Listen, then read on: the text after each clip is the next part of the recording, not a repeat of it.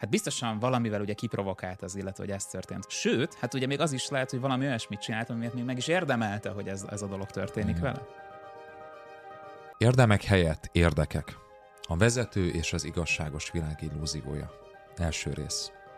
Üdvözöllek, ez az Online Management Podcast, én Ungvári Péter vagyok, és a mai adásban arról beszélgetünk üzlettársammal, Berze Mártonnal, hogy hogyan téveszt meg minket egy gondolkodási torzítás, ami az igazságos világ illúzióját kelti bennünk, és hogy miért nem érdemes abban gondolkozni, hogy mit érdemelnénk meg, és hogy hogyan érdemelnénk meg egy előléptetést, egy üzleti megállapodást. Tarts velünk! Mert megérdemlem.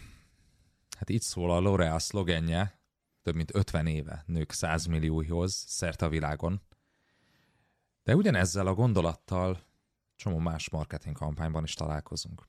Az egyik termékértékesítő oldalán például azt olvastam, hogy szerezd vissza az önbizalmadat, és kezd el élni azt az életet, amit valóban megérdemelsz. Ezt nagyon jól esik hallanunk.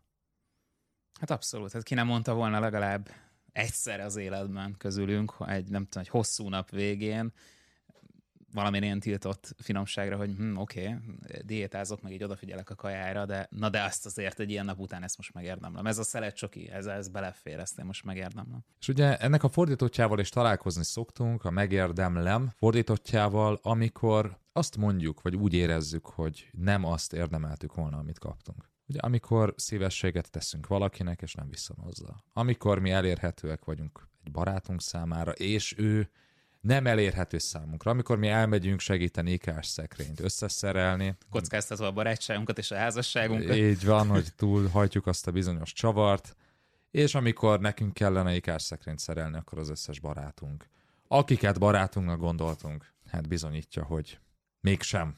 Mégsem adja vissza, amit érdemeltünk volna. Meg hát a céges világban is azért sok ilyet látunk, hogy mindent megteszünk egy projektnek a sikerére, a főnök mégis elkaszálja a végén, vagy amikor 20 évet töltünk nagy lojalitásban, nagy hűséggel a cég iránt egy szervezetnél, és kapunk egy e-mailt, hogy akkor holnaptól nem kell bejönni, és ez az egyetlen e-mail, amit még el tudunk olvasni a gépünkön, mert egyébként meg kizártak minket mindenfajta rendszerből. Hát ugye ezért nem érdemes többek között családként tekinteni egy szervezetre, ja. vagy egy cégre. Vagy hát ennél hétköznapi és viszonylag gyakrabban megtörténő eset, amikor mondjuk nem mi kapunk meg egy olyan előléptetést, amit szerintünk egyébként megérdemeltünk volna, hiszen szerintünk minden mellettünk szólt. És ezzel a gondolattal találkozhatsz akkor, amikor neked jut eszedbe? Hú, hát megérdemeltem volna, vagy én ezt érdemelném, vagy ha ezt megcsinálom, akkor ezt megérdemlem. De jöhetnek ezzel oda a kollégák, jöhetnek ezzel oda hozzád a pályakezdők, a csapattagjaid, a kollégáid, esetleg, hogyha mentor vagy, akkor a mentorátjaid, hogy hát ha ezt csinálom, akkor biztos, hogy én érdemlem majd meg azt a előléptetést, jutalmat és a többit. Szóval itt van ez a két szó, hogy mert megérdemlem, és ezzel a két szóval csak az a baj, hogy nagyon sok rossz döntéshez fog vezetni. Nem a L'Oreal termékek megvásárlásához, erről nem tudok nyilatkozni, hogy ez jó vagy rossz döntésnek számít-e. Sok rossz üzleti és karrier döntéshez vezet ez a két szó.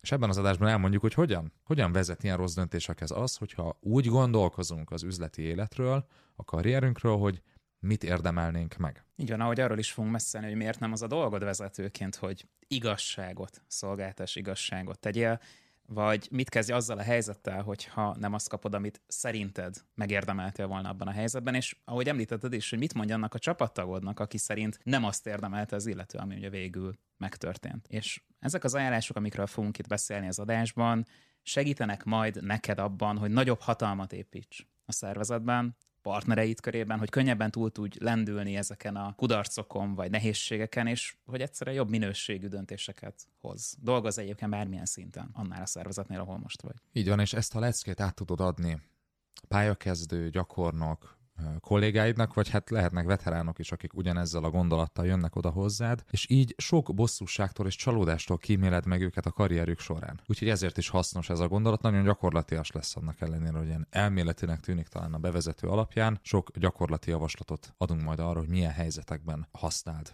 ezt az elvet. Lássunk is neki. És az első témánk az egy torzítás lesz. És ezzel a torzítással akkor találkozunk, amikor egy menedzsertől azt halljuk például, hogy nem értem, hogy miért nem a csapattagomat nevezték ki, megérdemelte volna. Vagy én érdemeltem volna az előléptetést, és mégis mást választottak. De ez a két mondat, ez egy mélyben rejlő gondolkodási torzításra mutat rá, aminek az alapja az, hogy szeretnénk úgy nézni a világra, hogy az igazságos. Így van, tehát hogy aki jót cselekszik, az jót is kap vissza. És hogy ezt mondtad, elnevezhettük volna L'Oreal féle torzításnak, hogy egy ilyen tudományosabban hangozzon. De valóban ez az alapja, tehát hogy azt feltételezzük, hogy a világ úgy van berendezve, úgy van elrendezve, hogy jót ad helyébe, jót várj, ugye vannak ilyen szép mondásaink, és akkor még itt a BNI elmondatát nem is emlegettem, az aki ad, az nyert. Tehát, hogy igen, hogyha jót teszek, akkor jót fogok visszakapni, és ennek ugye a fordítottja is igaz, tehát, hogy aki rosszat tesz, az rosszul is jár majd a végén. És hát ugye ezt nevezzük egyébként karmának. Tehát, hogy mindennek van valamilyen típusú következménye, és hát, hogy előbb-utóbb mindenki megkapja, amit érdemel. Tehát, hogy ez a mindenkinek az érdeme szerint. És inkább előbb, mint utóbb. Ugye vannak ezek az instant karma videók, amiket nagyon szeretünk nézni, és egyfajta örömöt okoz az, ahogyan látjuk, ahogyan az az illető, aki gyorsan hajtva megelőzött minket belterületen, ugye a az országos rendőrfőkapitányság szokta kiadni ezeket a felvételeket, ahogyan ezekkel az a civil rendőrautókkal járják az utcákat, és átment a, átment a piroson a kerékpáros, és azonnal megy utána, és megbünteti, és elkapja.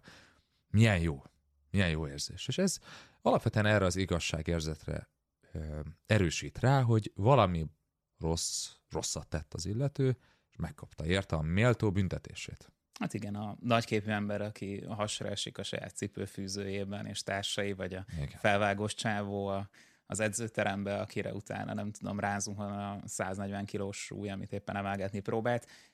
Erre appellálnak ezek a videók, ezért ennyire erőteljesen hatnak ránk többek között, tehát mindenki másra is, aki nézi, mert hogy igen, alapvetően ezt az ilyen igazságérzetet, ezt a karmikus igazságszolgáltatási koncepciónkat dúcolja alá, és ez alapján, tehát hogy azt gondoljuk, hogy előbb-utóbb mindenki megkapja, amit érdemel, működik bennünk egyfajta ilyen belső mérce. Ha olyan dolgokat teszek, amelyeket én jónak tartok, és ezáltal ugye érdemeket gyűjtök, akkor egy ponton összegyűlik annyi, hogy szintet lépjek. Ugye ez egy kicsit olyan, mint az ilyen XP, ugye ilyen tapasztalati pont a különböző, nem tudom, ilyen számítógépes játékokban, hogy van egy küldetésünk, ami ér, nem tudom, 1000 XP-t, és akkor 10 küldetés után összegyűlik 10.000 XP, milyen szuper, mert akkor szintet tudok lépni, és nyílnak nekem ugye az új pályák. És lehet, hogy elismerjük azt, hogy nincs egyetértés a szükséges XP mennyiségében közöttem és a főnököm között. Lehet, hogy én azt gondolom, hogy 8000 tapasztalati pont kell, és amikor nem léptetnek elő, azt betudom annak, hogy hát nem, a főnököm szerint úgy tűnik, hogy 12 ezer tapasztalati pont kellett volna. És ha így is gondolkozunk róla, abban biztosak vagyunk, hogy hát léteznek ezek a szintek, és hogy ebben egyetértünk. A főnököm is így gondolkozik, ugye? Esetleg ezt meg is pedzegette, hogy hát ezt még nem érdemeltet ki, vagy hát ezt ki kell ért. Itt ki kell érdemelni ezeket a dolgokat. És ez az a gondolkodási torzítás, amit a pszichológiai szakirodalom úgy hív, hogy az igazságos világ hipotézis. Az igazságos világba vetett hitünk. Így van, és ezzel egyébként így önmagában nincsen különösebb probléma, egészen addig, amíg ugye minden nagyjából úgy az elvárásaink szerint történik. Na de mi a helyzet, amikor nem így történik? Mi a helyzet akkor, amikor általunk ismert jó emberek nem azt kapják, amit érdemelnek. Ugye mit kezdünk ezzel az egész világnézettel, ezzel az igazságos világba vetett hitünkkel akkor, amikor nem mi kapjuk meg azt a projektet, amiért. Nagyon küzdöttünk, és szerintünk megdolgoztunk érte azt az előlétetést, amit ugye kiérdemeltünk, legalábbis szerintünk, hiszen elértük a megfelelő XP számot ebben a PC játékban. Vagy amikor, és akkor nézzünk egy kicsit a szervezeten túlra, mondjuk van egy partnerünk, egy alvállalkozónk, egy ügyfelünk, aki vel mondjuk évek óta együtt dolgozunk, gyümölcsözzel, tehát kiérdemeltük volna a folytatást, és mégsem mellettünk dönt, amikor egy döntési helyzetben van, pedig ugye mi mindent megtettünk, amit kért az illető. És ugye ezeket a helyzeteket a legtöbb ember agya egyszerűen nem tudja feldolgozni. Ugye miért nem tudja feldolgozni? Mert gyakorlatilag ez az, amiről beszéltél, ez az igazságos világba vetett hitünk, ez a képünk, hogy igazságosan van elrendezve az univerzum, na ez omlana össze, hogyha elfogadnánk, hogy egy ilyen helyzet megtörténhet. És ehelyett elkezdünk, ugye ez a szokásos kognitív diszonancia redukció, tehát valahogy megpróbáljuk egyensúlyba hozni az igazságos világba vetett képünket a valósággal, ami úgy fest, hogy azért annyira mégsem igazságos. És vannak ilyen különböző feszültség feloldó stratégiák, amiket ilyenkor ilyen mentális műveletként elkezdünk alkalmazni. Például nem vesszük észre azt, hogy csaló is kap elismerést. Az egyik ilyen stratégia, hogy figyelmen kívül hagyjuk. Nem fogjuk észrevenni azt, hogy egy csaló kap elismerést. Nem tűnik fel az, amikor a jó embert idézőjelesen bántják. Nem halljuk meg ezeket a híreket. Nem látjuk azt, hogy etikátlan, rossz, aljas vezetőkből micsoda vezérigazgatók lesznek. Mennyi pénzt tesznek zsebre. Figyelmen kívül hagyjuk. És az összes többit észreveszünk, amikor na, megkapta, amit érdemelt. Nagyon hasonló elven működik egyébként a politikai nézeteinkkel ellentétes hírek, vagy mondjuk ellentétes történésekben nem fogadás. Ugye gyakorlatilag szelektáljuk ezeket a, ezeket a híreket, nem halljuk meg, vagy, vagy ugye más mással magyarázzuk, hogy összeegyeztethető legyen, és ugye vannak még ilyen feloldási stratégiáink. Az egyik ilyen tipikus stratégiai válaszunk az az áldozat hibáztatás maga. Ugye jó embertért rossz dolog, hát minek ment oda? Ugye ez a minek ment oda, ez egy elég nagy karriert befutott kis mondatocska. Hát biztosan valamivel ugye kiprovokált az illető, hogy ez történt. Sőt, hát ugye még az is lehet, hogy valami olyasmit csinált, amiért még meg is érdemelte, hogy ez, ez a dolog történik Igen. vele. Igen, ebből nemrég mémet csináltak, amikor hát ilyen különböző erőszakos cselekményekről ugye az interneten mondjuk hírt adnak. Néhányan ilyen nagyon érzékeny lelkű emberek, akik nyilván itt látják, hogy az az oldal volt itt az agresszor, aki mellett én alapvetően állok, ők így odaírták, hogy hát itt a kontextust azért érdemes lenne tudni. És akkor mostanában egyre többször veszem észre, hogy így ott van egy ilyen helyzet, ahol ahol valakit bántanak, vagy valakivel valami rosszat tesznek, és akkor alá valaki ironikusan odaírja, hogy de várjuk, hát itt még a kontextus érdemes lenne tudni. És ugye ez egy mémé vált, de azért válhatott mémé, mert ez egy valódi jelenség. Hogy azt mondjuk, hogy hát valamit csinálhatott, mert hogyha nem tett semmit azért, hogy ez a rossz dolog történjen vele, ha nem volt valamilyen korábbi bűne, amiért most csapott volna vissza a karma, akkor, akkor baj van. Mert akkor összeomlik ez a kép. Minden, ez a karma visszavág stratégia. És ugye munkai közegben is látjuk ezeket a példákat, nem csak internetes mémekben, hogy hát, hogy valami oka kellett, hogy legyen annak, hogy nem te kaptad ezt az előléptetést. Hát valamit biztos rosszul csináltál, valamit nem tettél, meg nem vettél figyelembe, nem voltak elégedettek a munkáddal, hibát követtél el. Hát én mondtam, mondtam is neked, hogy határozottabban kellett volna kérned. Ugye? Tehát ez, Így van. Igen, pont a Medmenben. Pont a Medmenben van egyébként egy ilyen, ilyen rész, amikor hát menjél és, és, és kért, követeld, ami neked jár, ugye mondja a feleség a férnek, ugye nyilván. Na ő aztán a munkai kontextussal valójában nem annyira van tisztában, de, de úgy érzi, hogy mivel rengeteget dolgozott a férje, hát ő megérdemelné ezt az előlétetést, és hát az ő hibája, ugye, hogyha nem kapja meg, hiszen nem kérte elég határozottan és erélyesen. Ja, Istenem, az otthoni családtagok mennyit tudnak segíteni abban, hogy ez a torzítás kialakuljon. Te érdemelnéd meg, küzdj érte. Nyilván szeretjük azt, hogyha van bátorítás otthon, de hogy látni fogjátok a végére, hogy ezzel mi a, mi a nehézség, mi a probléma. Aztán a harmadik lehetőség és a harmadik módszer arra, hogy feloldjuk ezt a konfliktust, hogy elkezdünk ilyen elméleteket alkotni. Például, ja igen, a csaló kapta az előléptetést a cégnél, de, de majd nézd meg húsz év múlva. Nézd meg, nem lesz szám olyan boldog, nem lesz elégedett. Jaj, hát én igazából nem is akartam, persze jó lett volna, de ezzel valójában nem jár jól ezzel a fizetésemeléssel. Még több munkát kérnek tőle, és, és aztán eljön majd a kiégés. És amikor nem látjuk ezt rajta, akkor meg azt mondjuk, hát akkor nagyon jól titkolja. Nagyon jól titkolja, öt évvel később is egészen boldognak tűnik. Hát így hát ez csak a látszat, hát muszáj ezt mutatni, különben nem tudom, hülyét, hülyét csinálna magából az illető. Szumma summarum, a jó emberekkel jó dolgok történnek. Ha jót teszek, annak jó következményei lesznek. Méghozzá rövid távon, ugye? Tehát ez is fontos, hogy nem ez nem majd 20 év múlva, ez ugye csak az elméletalkotásnál van. Nem én... egy 30 éves kötvény. Nem, nem. És ugyanígy, aki rosszat tesz, az megbűnhődik. Annak, annak lesz büntetése, méltó büntetését, ugye? Erre rezonálnak egyébként a hollywoodi filmek is, most ugye erről, erről így beszélgetünk, ugye, amikor a, a film végén a, a, az adott filmnek a főhőse visszamegy ugye a korábbi iskolájába, vagy a korábbi munkahelyére, a korábbi közösségébe, honnan indult, és hát ugye már ilyen megdicsőülve tér vissza, ugye, az elszenvedett korábbi elszenvedett sérelmekért kvázi elégtételt venni, hogy nézzétek, megjött hmm. a, megjött a sikeres ember. Igen. Ennek egy tipikus példája a Visszajövőbe című film. Nemrég néztem újra a tévében, és ott nem is emlékeztem rá, hogy ugye az a fő szekáló figura. A, a Biff. Biff.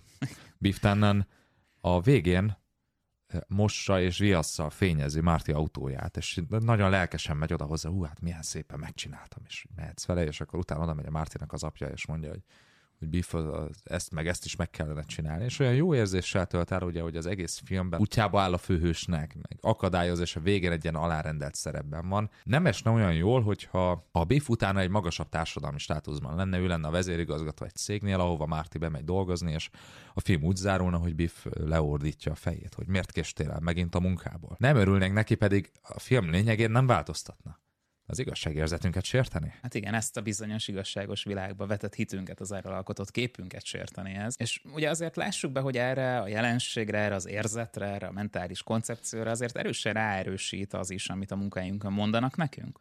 Ugye? Tehát, hogy azért, ha itt jól teljesítesz, akkor előrébb jutsz, meg itt a teljesítmény számít, itt, hát itt figyelj, nem a kapcsolatok, meg nem a smúzolás, a kávézgatás, meg a munkai politika, ezek, ezek nem lényeges dolgok, nálunk csak a kő kemény érdemek, eredmények számítanak. Majd ezt fogjuk nézni, amikor előléptetésekről döntünk. És ugye hát ismerjük ezt a rendszert, ami az érdemekre épül, ami érdemközpontú, ugye ez lenne a meritokrácia. Amikor ugye nem azért kapok meg egy megbízást, mert én vagyok az XY valakije, az unokaöccse, tehetségtelen, harmadunok a testvérének a keresztfia, ugye, tehát ez a, nagyjából ez a, ez a szint, hanem azért kapom én az előléptetést, azért kapom én a fizetésemelést, mert jobban értek ehhez a dologhoz, hmm. mint mindenki más. Mert már bizonyítottam, mert kvázi kiérdemeltem. Ez a gondolkodási torzítás viszont sajnos káros és rossz döntésekhez vezet.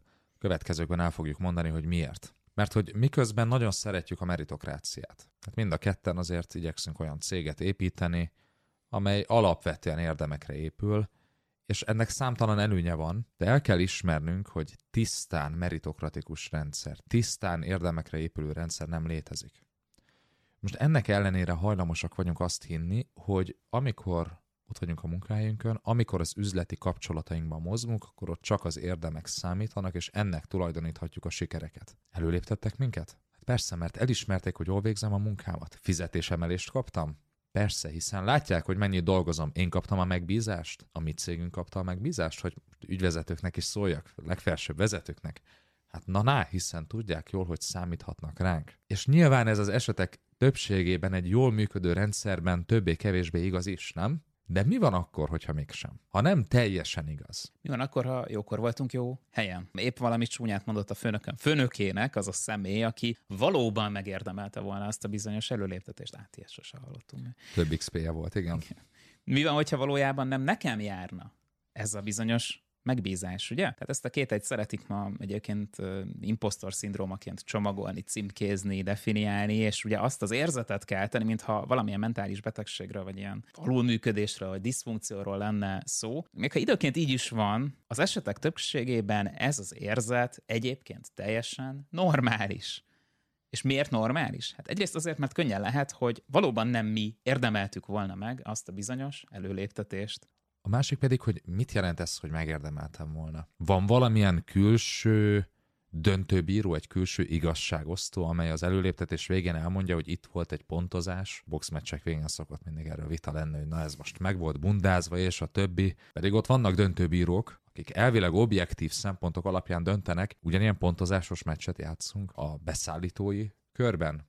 Ugyanilyen pontozásos meccset játszunk kollégák körében, hogy ki milyen előléptetést kap, ki melyik projektet kapja, kinek van lehetősége arra, hogy pénteken hamarabb hazamenjen, hogy többet dolgozzon home office-ban? Hát én megérdemlem, hogy otthonról dolgozzak, ugye? Nincs ilyen külső igazságosztó. A főnökünk semmilyen külső igazságosztó, bármennyire is szeretnénk annak látni, meg időnként ő is magát annak láttatni. Ez nem így működik. Így van, és lehetnek persze olyan helyzetek, ahol elég objektív és egyértelmű jelei vannak annak, hogy valamiben jobb vagy, te személyesen, mint mások, de még ezekben az esetekben sem biztos, hogy hát legalábbis nem száz százalékig biztos, hogy azt fogod kapni, amit szerinted egyébként érdemelnél.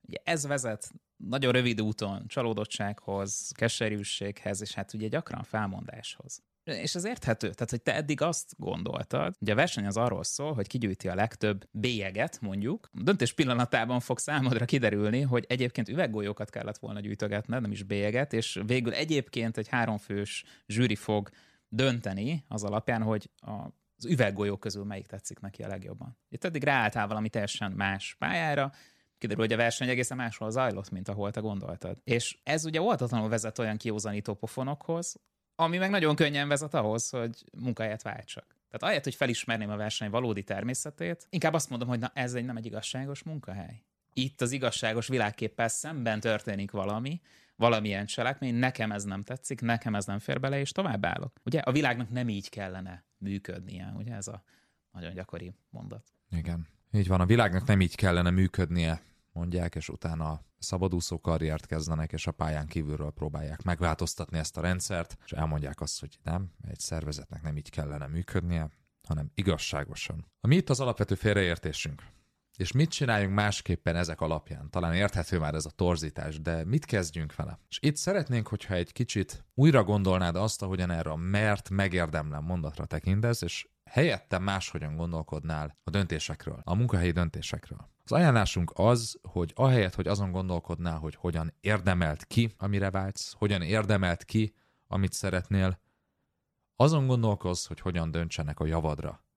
Mert hogy a munkahelyen, az üzleti életben, meg úgy általában a világban nem kiérdemeljük a dolgokat, hanem bizonyos helyzetekben a javunkra döntenek. Ennyi történik. Így van, és ennek igazolására akkor nézzünk meg egy gondolatkísérletet. Tegyük föl, hogy vezetőként 15 éve dolgozol mondjuk egy kis vállalatnál, van egy pár fős csapatod, a cég lassan, de, de egyébként viszonylag stabilan növekszik, az üzletágat jól teljesít, a kollégáidat is sikerül megtartani, tehát mondhatjuk, hogy eredményes menedzser vagy egyébként.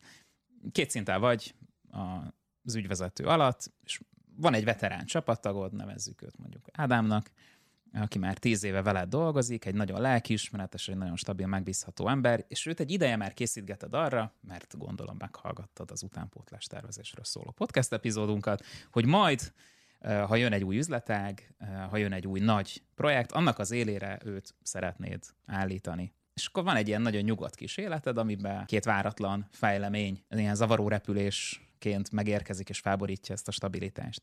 Az első az az, hogy külső befektető érkezik a céghez egy viszonylag nagy üzleti lehetőség miatt, ami a tervek szerint a következő három évben meg fogja háromszorozni az árbevételeteket, és meg fogja ötszörözni a nyerességeteket. Ez tehát az első ilyen berepülő zavaró pilóta. A másik, hogy másfél éve felvettetek egy új munkatársat, nevezzük ezt az új munkatársat Zsófinak, három év tapasztalattal, aki már most elképesztő eredményeket hoz a szervezetben. Tehát nagyon-nagyon tehetséges, nagyon agilis és nagyon jó, jó számokat produkál, és egy előléptetés után már Ádám közvetlen munkatársa.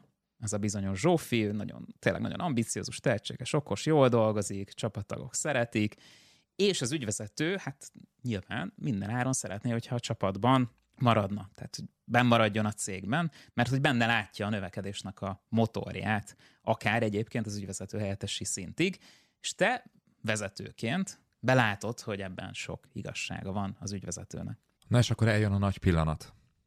Megszületik a döntés az új üzletek beindításáról, amely veled egy szinten jön létre, és magasabb fizetéssel jár.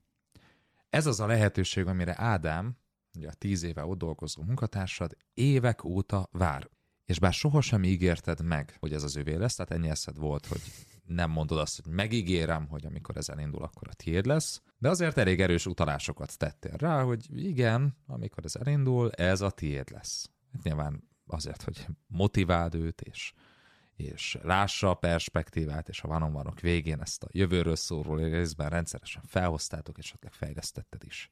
Az ügyvezető pedig oda megy hozzád, és ajánlást kér tőled, Zsófit vagy Ádámot javaslod az új helyre. Hát ugye nehéz helyzet, mert hogyha Zsófi kapja az állást, és sikerrel jár, akkor szinte biztos, hogy két-három éven belül még tovább lép, és akkor Ádám megkaphatja két-három év után ezt a pozíciót. Ez egy logikus lépésnek tűnik. Igen, hát csak néhány évet kellene ugye várni. Ugye, ha nem nevezitek ki őt, már mint ugye Zsófit, akkor ugye őt valószínűleg a konkurencia rövid után el fogja tőletek happolni. Tehát ez alapján mondjuk elég erősen látszik, hogyha ez pusztán egy racionális mérlegelés kérdése lenne, akkor egyértelműen Zsófi a jobb választás. De ugye ennek ellenére látjuk ennek a döntésnek a nehézségét, az emberi nehézségét. Mert hogy szerinted ugye Ádám megérdemelni ezt a bizonyos előléptetést. És hát ugye elég komoly konfliktust okozhat az, hogyha végül ugye nem ő kapja ezt a belebegtetett, belengetett évek óta hát olyan szörmentén emlegetett előléptetést. És ugye talán el is megy, keres egy másik munkahelyet, ugye bár erre azért kisebb esélyt látunk, mint Zsófinál. Tehát a kérdés változatlanul az, hogy ebben a helyzetben Mit javasolnál te az ügyvezetőnek? És ugye ennél még egy talán egy fontosabb kérdés, hogy végül ő mi alapján dönt majd. Tehát a te ajánlásod az egy dolog, de mi alapján fogja ő meghozni ezt a végső döntést? És hogyha beleképzelted magadat ebbe a helyzetbe, akkor talán látod, hogy miért nem hasznos az, hogyha úgy gondolkozunk, hogy ki érdemelném meg, vagy hogy mit érdemelnék meg. Mert hogy a döntés pillanatában szinte egyáltalán nem számít majd az, hogy ki érdemelné meg jobban ezt az előléptetést. mi kevés szerepet kap majd ez a kérdés. Még ha fel is merül, az legfeljebb abban a kontextusban merül fel, hogy Ádám jogosan érezné csalódottnak magát, hogyha nem ő kapna az előléptetést, és lehet, hogy felmond, tehát akkor gondoskodnunk kell az ő utánpótlásáról. Ilyen kontextusban merül fel, hogy te mit gondolsz, hogy mit érdemelnél meg, vagy a kollégád mit gondol, hogy mit érdemelne meg. Ez egy egyszerű költség-haszon elemzés lesz, nem feltétlenül teljesen racionálisan, tehát nem úgy kell gondolni, hogy most akkor csak a számok számítanak, de nem abban fogok gondolkozni, hogy mit érdemelnél meg, hanem abban fogok gondolkozni, hogy mit veszíthetek azzal, ha nem azt adom, amit szerinted megérdemelnél. Mit veszíthetek ezzel? Hát is ugye, ha semmit, vagy legalábbis nem olyan sokat, akkor ugye nagyon kevés motivációm lesz arra, hogy, hogy ezt megadjam neked, amit te szerinted egyébként megérdemelnél.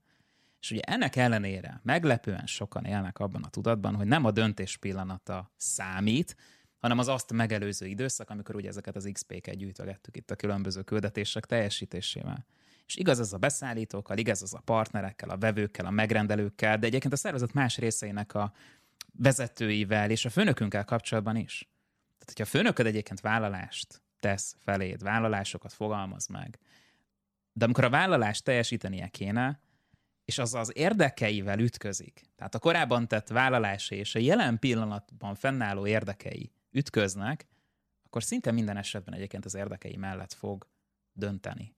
És ezért nem lehet hibáztatni, mert ez egy bizonyos értelemben ez a racionális döntés. Most ezért sem javasoljuk egyébként, hogy vállalásokat meg ígéreteket tegyél a kollégáidnak, mert mit tudod te, hogy a döntés pillanatában mi áll majd a te érdekedben és a szervezet érdekében, és ha ígéretet teszel arra, hogy nem biztos, hogy te kapod majd, de amikor eljön a döntés pillanata, addig változnak a tervek, változik az üzletágról alkotott elképzelés, nem az lesz érdekedben, hogy Ádámot nevezt ki, akkor mi lesz? Meg kell szegned egy ígéretedet.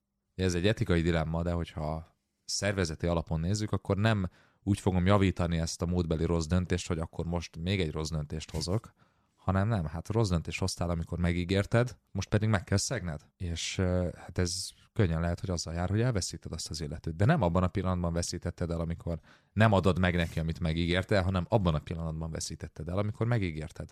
Ez egy ilyen érmefeldobás. És hogyha nem jól esik le, hát akkor így jártál. No, oké, de ha ez így van, akkor mi a helyes megközelítés? Tehát mi a csodát csináljunk akkor, amikor mindenki arra van berendezkedve körülöttünk, és a munkahelyeink is állítólag arra vannak berendezkedve, hogy itt alapú döntések születnek, és közben azt látjuk, hogy egyébként valójában mégsem. Hát sokkal jobb lenne, ha abban gondolkoznánk, hogy a javunkra döntsenek, akkor mégis mi az, amit ebből a cselekvés szintjén, a viselkedésünk szintjén következik. Ugye a következő adásban meg fogunk nézni három olyan lehetséges megküzdési stratégiát, viselkedésmódot, ami helyett a kiérdemlés helyett a javunkra döntés felé billentheti a viselkedésedet, és ami hát jó eséllyel nagyobb eredményeket fog számodra jelenteni, most ezt akár vezetőként, menedzserként, akár beosztottként hallgatod, mert segít átkeretezni ezeket a, ezeket a döntési dilemmákat, amelyekben egyébként a főnökeid vagy a beszállítóid, partnereid vannak, és segít abban, hogy többször kerüljön a helyzetben, amikor a te javadra döntenek, függetlenül egyébként részben attól, hogy te ezt most megérdemelted, vagy nem érdemelted meg.